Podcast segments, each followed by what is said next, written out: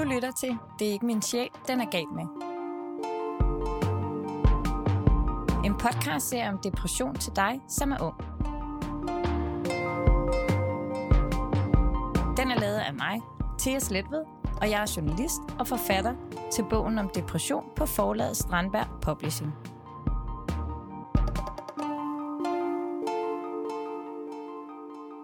I dag skal vi tale om, hvordan det er, når man er nødt til at skulle tage medicin mod sin depression. Derfor sidder Rosa her hos mig. Og Rosa, lad os lige begynde med at høre om, hvem du er. Øhm, jeg hedder Rosa, jeg er 29 år, og jeg laver en hel masse ting, jeg godt kan lide. Sådan en lidt en blanding af at undervise og lave videnskabskommunikation og tegne en hel masse. Der er jo faktisk ikke ret mange omkring dig, som ved, at du har haft to depressioner, eller at du har været nødt til at få medicin mod depression. Men nu har du valgt at fortælle her. Hvorfor det? Jeg var heldig at vide, hvem jeg skulle ringe til, når jeg havde allermest brug for hjælp. Og det, det er ikke alle, der ved det. Så jeg føler ligesom, at nu har jeg muligheden for at kunne give noget tilbage på en eller anden måde. Og så synes jeg, at jeg, jeg brugt meget, meget, meget energi på at være offer for de her misforståelser og den stigmatisering, der ligesom findes i samfundet omkring depression og psykisk sygdom og medicinering. Og her er der så muligheden for at prøve at ændre på det, så det måske er nemmere for, for andre, end det var for mig. Det vi skal tale om i dag, det er, at du var nødt til at få øh, medicin mod din depression, fordi du havde det så sindssygt dårligt. Men selvom du havde det, så havde du ikke lyst til at skulle tage det her medicin. Hvorfor? Jamen, der har jo sådan flere omgange været forskellige historier i de danske medier omkring, at læger måske på grund af tidspres har tendens til, til bare at udskrive øh, antidepressiver, og så, så er de også blevet kaldt lykkepiller, ikke? Sådan lidt nedladende, som om det var sådan et, et, øh, et quick fix, hvis man tog til lægen og sagde, at man havde det dårligt, så kunne de ligesom give en recept, og så behøves de ikke bruge en masse mere tid på den patient. Og så er der måske kommet en forestilling ud af det omkring, at det er bedre at undgå medicinen, og bedre, hvis man kan klare det selv. Men øh, i dag, der er du faktisk stadig på medicin, selvom du har ikke depression i dag. Men hvorfor er du så det? Det er jeg, fordi at jeg har haft en slem depression to gange. Og den første gang, der havde jeg utrolig meget fokus på, hvornår jeg kunne øh, slippe for at tage de piller der. Så jeg, jeg brugte utrolig meget tankevirksomhed på at arbejde mig hen imod ikke at skulle tage medicin mere. Måske var det for for hurtigt, at jeg gik af medicinen, og måske havde det noget at gøre med, at jeg brugte al min energi på at koncentrere mig om at være sur på mig selv over, at jeg tog medicin, i stedet for at prøve at få nogle lidt sundere tankevaner. Så jeg endte ligesom et sted, hvor jeg var nødt til at tage medicin igen. Og så er jeg bare øh, så heldig, at jeg ikke rigtig får bivirkninger, og at det virkede relativt godt anden gang med en lav dosis, øh, så nu prøver jeg bare sådan at slappe af omkring det, og ikke stress over, at jeg skal skynde mig ikke at tage medicinen mere.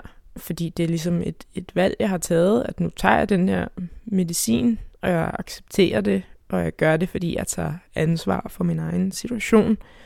Og så skal jeg øh, trappe ud af den på på et tidspunkt. Øh, men, men den her gang vil jeg bare gerne være helt sikker på, at jeg har nogle, fået nogle nye og bedre vaner, som, som ligesom har slået nogle dybe rødder.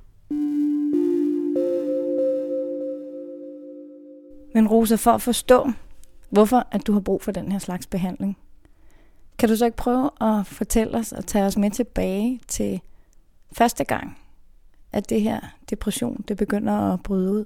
Første gang, jeg fik en depression, en rigtig depression, øh, fordi jeg har altid været et følsomt barn, lige så længe jeg kan huske, og jeg kan også huske, at jeg har tit været trist og eftertænksom, bekymret og slet angst som barn, men, men der er ligesom en, en stor forskel.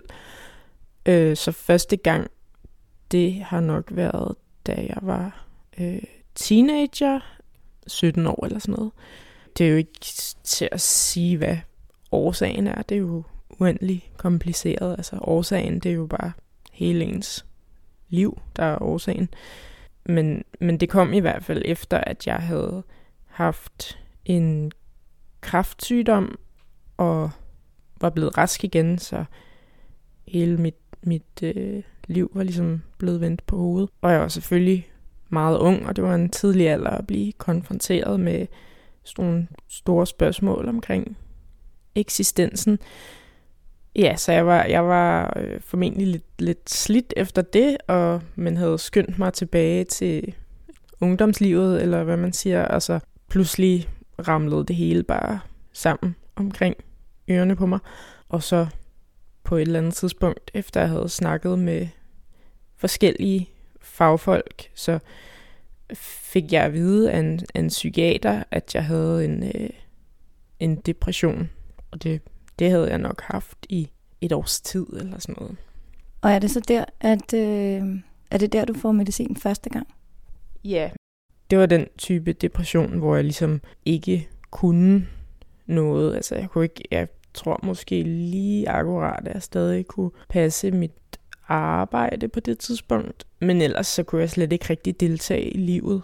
Så jeg fik at vide, at, at det kunne være en, en god ting for mig at prøve en, øh, noget, noget medicin, der ligesom ville hjælpe mig til, altså gøre mig sådan lidt mere, at jeg ligesom kunne, kunne deltage lidt i livet igen og gøre plads til nogle gode oplevelser igen og prøve at, at etablere nogle, øh, nogle sundere tankemønstre og gøre plads til nogle positive tanker, og så desuden lige tage toppen af den her øh, ret voldsom angst, jeg også havde, som, som netop gjorde, at jeg ikke rigtig kunne komme i gang med livet igen. Det er jo det, medicinen kan, som kan være meget smart. Når du siger, at du ikke rigtig kunne deltage i livet, og at du ligesom skulle lære dig en anden måde at være på, hvordan, hvordan havde du det der, når du havde det dårligt? Jeg havde det sådan, at jeg ikke var i stand til at øh, tænke nogle positive tanker overhovedet. Altså, de, de kunne simpelthen bare ikke rigtig opstå inde i mit hoved. Jeg kunne godt huske, at jeg selvfølgelig på et tidligere tidspunkt havde været i stand til at tænke positivt. Men det var bare ikke muligt mere, lige meget hvor meget jeg prøvede, og hvor gerne jeg ville. Og det, altså, det er jo forfærdeligt at have det sådan i sig selv. Øh, men så er der jo en kæmpe selvbebrejdelse. Jeg var gammel nok til at vide, at det, det er ikke normalt ikke at tænke positivt, men måske stadig ung nok til ikke rigtig at forstå, hvordan psyken og kroppen virker, og at der også er en altså, kemi i hjernen, der kan, der kan påvirke ens humør. Og sådan. Det, det er lidt sådan et andet øh, menneskesyn, man måske ikke rigtig har endnu på det her tidspunkt. Så jeg følte jo bare, at der var noget galt med mig, og det var min egen skyld, og jeg vidste ikke, hvordan jeg skulle ændre på det. Og desuden var jeg ked af det hele tiden, og jeg havde ikke lyst til noget. Og jeg følte, at jeg var en belastning for alle, som jeg holdt af. Da du så får den her medicin, bliver du så rask? Det tog lidt tid. Altså, det var et, et kæmpe chok at få at vide, at jeg for det første havde en depression, og jeg skulle tage medicin mod det. Altså, så føler man jo virkelig, at der er et eller andet grueligt galt. Øh, så jeg begynder at tage medicinen, og det gjorde, at jeg kunne ja, deltage lidt mere i livet igen. At jeg ikke var lammet af angst og negative automatiske tanker. Og det var jo ret fantastisk, fordi så kunne jeg komme lidt i gang med at, at lave forskellige ting igen, som man laver i den alder. Samtidig med, at jeg løbende talte med den her psykiater, men det var ikke fordi, at der skete nogen sådan drastisk ændring. Jeg fik bare lidt mere sådan liv tilbage i mig på en eller anden måde. De tanker, der gik gennem mit hoved, var, at jeg tager medicin mod en depression. Det er en dårlig ting. Det er et tegn på svaghed. Jeg skal skynde mig at kunne øh, komme ud af medicinen, fordi så er det en god ting. Så betyder det, at jeg er stærk nok til at klare mig selv uden medicin.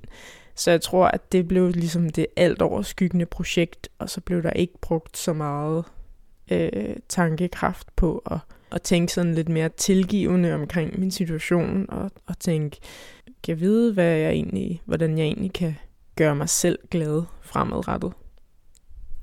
Jamen, fordi du har fortalt, at du faktisk tit tænkte ikke særlig positivt, ikke særlig altid pænt om mig selv, og at det ligesom var sådan en, en rille for dig, dine tanker kørte i, hvor du også havde svært ved at give dig selv lov til at være glad, men også at vælge de ting, som faktisk var rart for dig. Det synes du ligesom ikke.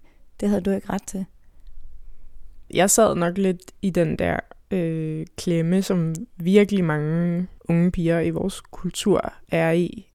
Utrolig lavt selvværd øh, og mange negative tanker om en selv, og man synes ikke, man fortjener at have det godt, og jeg selv havde det sådan, at det var, det var bedst, hvis, jeg, øh, hvis det, jeg lavede, var svært og ikke sjovt.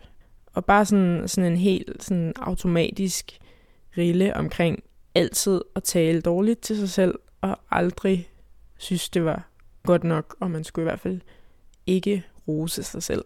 Og det kan jeg sige, det er i hvert fald ikke en særlig smart måde at tænke på, hvis man gerne vil prøve at, at have en lidt sådan gladere hjerne og et mere nuanceret billede på verden. Øh, det, det kan man jo nogle gange ikke selv bestemme.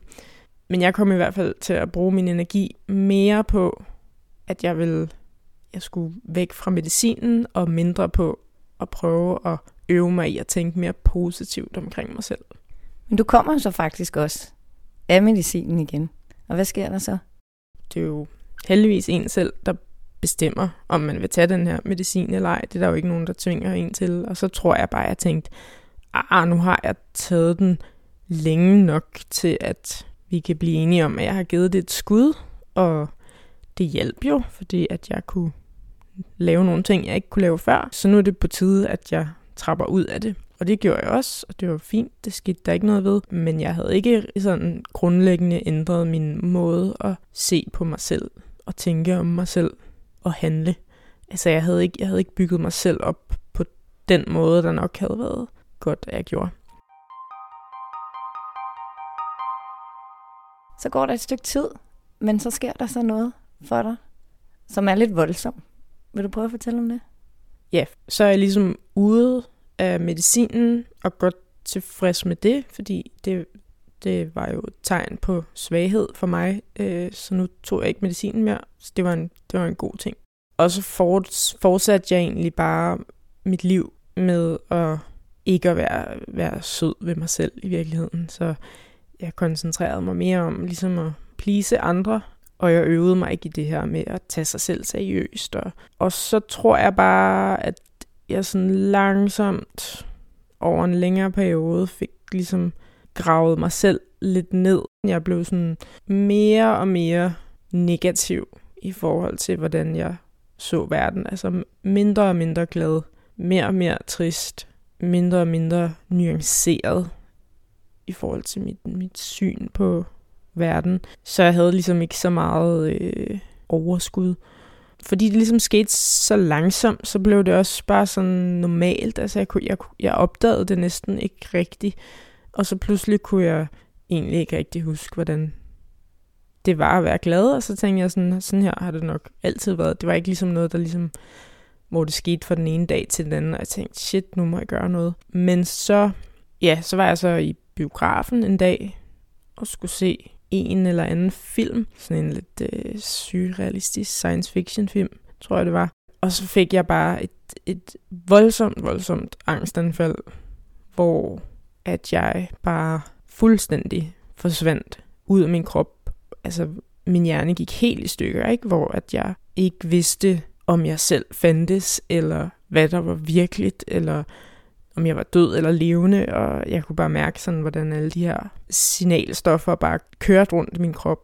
Altså sådan, når man, når man har et angstanfald, så får man jo nogle signaler om, at der er et eller andet, der er rigtig, rigtig, rigtig farligt, og man bliver rigtig, rigtig bange, og det eneste, man føler, man kan gøre, er bare løbe og løbe og løbe. Så jeg fik alle de her inputs. Mens du sidder inde i biografen? Ja, det startede ligesom inde i biografen det er lidt svært at huske, fordi det varede sådan set rimelig lang tid. Jeg tror, det varede en hel uge, hvor jeg bare var sådan fuldstændig, altså man, man vil måske kalde det en form for nervesambrud eller et eller andet. Altså, der, mit system lukkede bare ned, og det var forfærdeligt. Det er det værste, jeg har prøvet hele mit liv. Og jeg var jo ikke mig selv på en eller anden måde, men jeg kunne ikke rigtig gøre noget andet end bare sådan at, at gå rundt. Øh, og jeg, jeg, kunne ikke, jeg kunne ikke ligge mig ned og sove, øh, fordi jeg bare hele tiden havde den her forfærdelige følelse inde i kroppen af, at jeg var ved at forsvinde fra verden. Og så kunne jeg måske godt med sådan en lille del af mit hoved tænke, der var nok et eller andet angstanfald i gang her. Og jeg tænkte bare, at det skal bare stoppes for enhver pris. Altså sådan, jeg tænkte, det, så vil jeg ikke leve mere. Eller så kan jeg ikke leve mere. Det var ikke rigtig diskussion. Men heldigvis har der så været en, en lille en lille del af mig, der stadig var i, i kontakt med verden på en eller anden måde, så jeg fik da ringet til en, øh, en psykiater og fik lavet en aftale om at se øh, hende meget hurtigt. Hun sagde for det første, at det ville øh, være rigtig godt, hvis jeg tog noget medicin, både det her antidepressiv medicin, øh, som jeg havde taget før, men det, det virker sådan på lidt, på lidt længere sigt, Øh, så jeg kan huske, hun også, hun også gav mig noget, der, der måske lige ville få mig tilbage på benene sådan her og nu.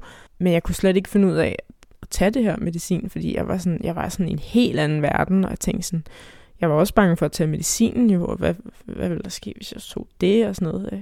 Det var svært at være, at være rationel, men der var et eller andet, der fik mig til alligevel at, at række ud. Og jeg startede også op medicinen igen, og tingene faldt til ro efter en uge eller et par uger. Altså i forhold til, at så, så var det der vanvittige øh, angstanfald i hvert fald sådan, det var der skruet lidt ned for. Hvor var du ellers i dit liv? Hvad var du, hvad var du i gang med på det her tidspunkt? Der gik jeg på en kandidatuddannelse.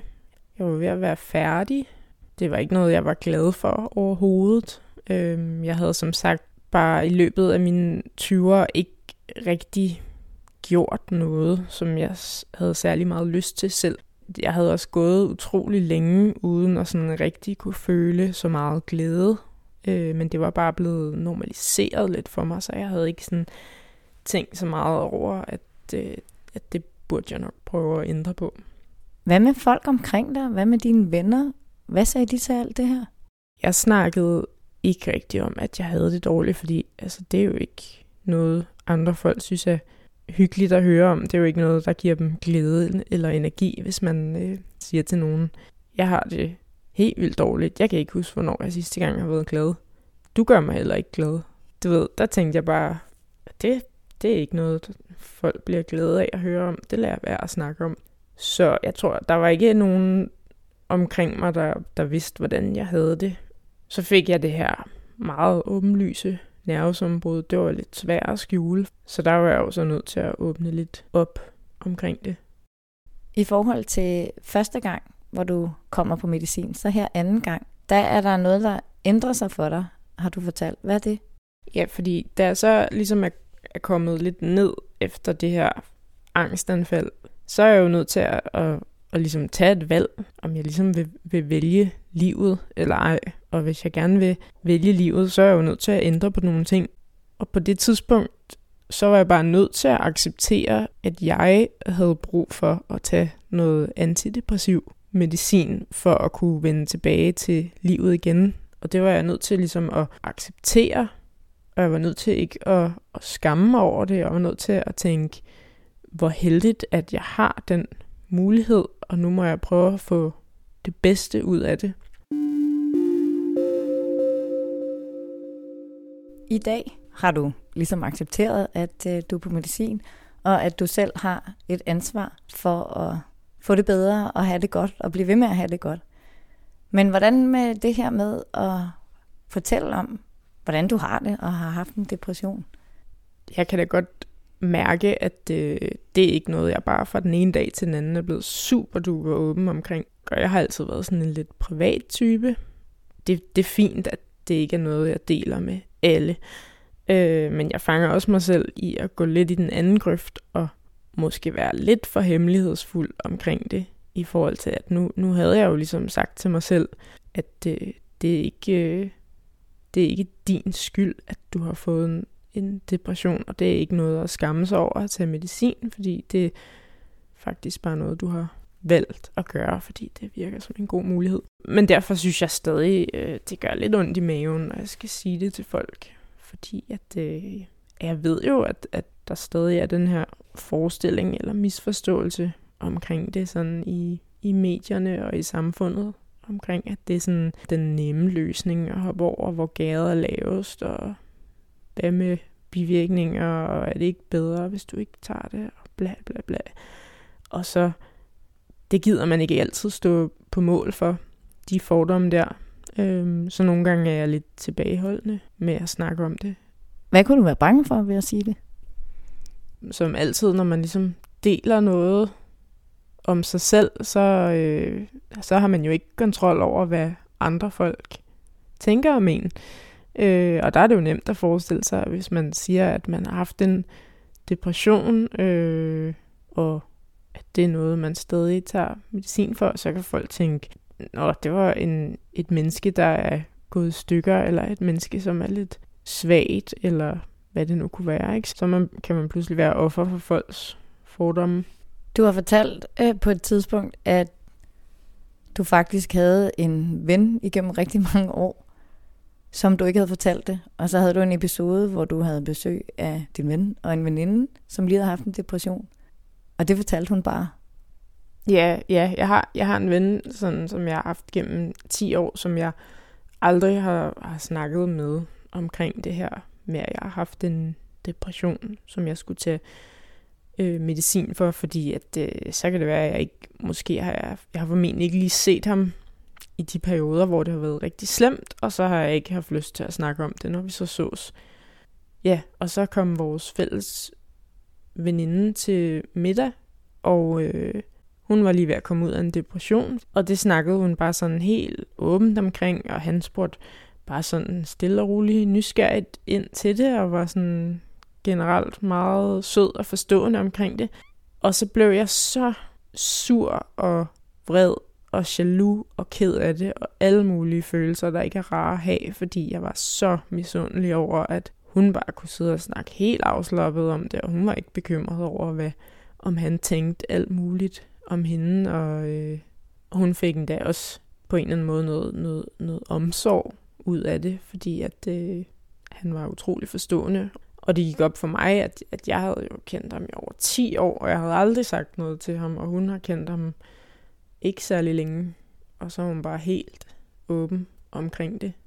Det provokerede mig helt vildt meget, men det, det gjorde også, at jeg lige sådan selv kunne reflektere lidt over, at det var godt være, at jeg skulle prøve at, at være lidt mere loose omkring det, og ikke være så bange for at dele noget, som er relativt normalt og menneskeligt. Hvad er det vigtigste, du har lært om medicin? Jeg tror, den vigtigste misforståelse, jeg fik afklaret, det er, at øh, antidepressiv medicin virker ikke ligesom crack, at man bliver en helt anden person, og man bliver øh, helt vildt afhængig af det, og man kan sagtens holde op med at tage det, uden at der sker noget. Hvad vil du gerne have vidst om depression? Jeg vil måske bare gerne have, have vidst, at det er noget, der kan ramme alle, og det er man ikke selv skyld i, men man har selv et, et ansvar for at bede om hjælp. Hvad har sådan i det hele taget gjort den største forskel for dig i forhold til dit forløb? Det er svært lige at, lige at pege på en konkret ting, der har gjort en forskel. Et vendepunkt har måske været det tidspunkt, hvor jeg ligesom tog en beslutning om ikke at ville have det sådan her mere, og gav slip på den der selvbebrejdelse omkring, at det var min egen skyld, jeg var havnet i den her situation. Hvad gør du for at blive ved med at være rask? Ja, så jeg, jeg har prioriteret, at jeg stadig sådan en, en gang om ugen går i sådan en form for samtalegruppe, hvor man ligesom kan dele sine udfordringer med andre, som har lignende erfaringer, og så på den måde kan man, kan man ligesom skabe et, et, et rum, hvor det er trygt at snakke om sine udfordringer, og lige sige højt, hvad det var, der var svært og reflektere over, hvordan man håndterede det, kunne man gøre det bedre næste gang, og så videre. Det prioriterer jeg lidt ligesom, at man, man går, i, går i fitness for ligesom at holde sin, sin krop i form, så holder jeg også min psyke i form ved at gøre det her, og det fungerer meget godt for mig. Rosa, hvad tænker du om din fremtid? Jamen, den, den glæder jeg mig til. Der kommer til at ske en masse sjove, gode, udfordrende ting, og sikkert også en masse dårlige ting, men nu er jeg bedre rustet til at, til at møde de udfordringer.